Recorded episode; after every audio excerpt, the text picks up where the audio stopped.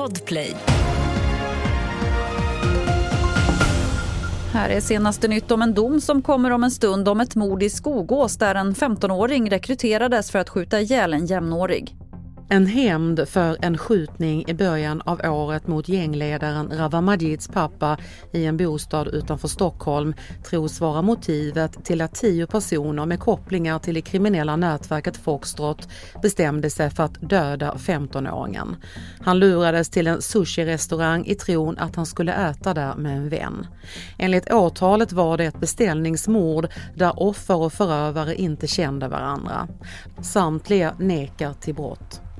Reporter här var Therese Cedergren. Om en stund kommer Turkiets utrikesutskott rösta om ifall de stödjer Sveriges NATO-ansökan. De flesta bedömare tror att det landar i ett stöd för ett svenskt medlemskap. Men sen måste det till en slutgiltig ratificering i landets kammare och den kan komma så snart som i veckan men kan också dröja till årsskiftet. Till sist kan vi berätta att ett av Sveriges mest välkända nyhetsankare, Anna Lindmarker, slutar på TV4 Nyheterna efter över 25 år.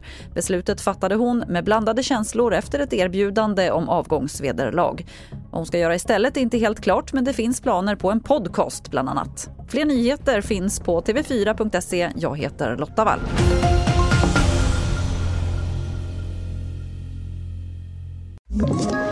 Ett poddtips från Podplay.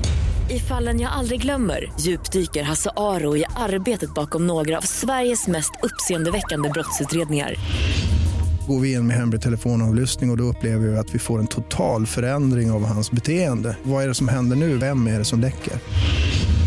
Och så säger han att jag är kriminell, jag har varit kriminell i hela mitt liv men att mörda ett barn, där går min gräns. Nya säsongen av Fallen jag aldrig glömmer på Podplay.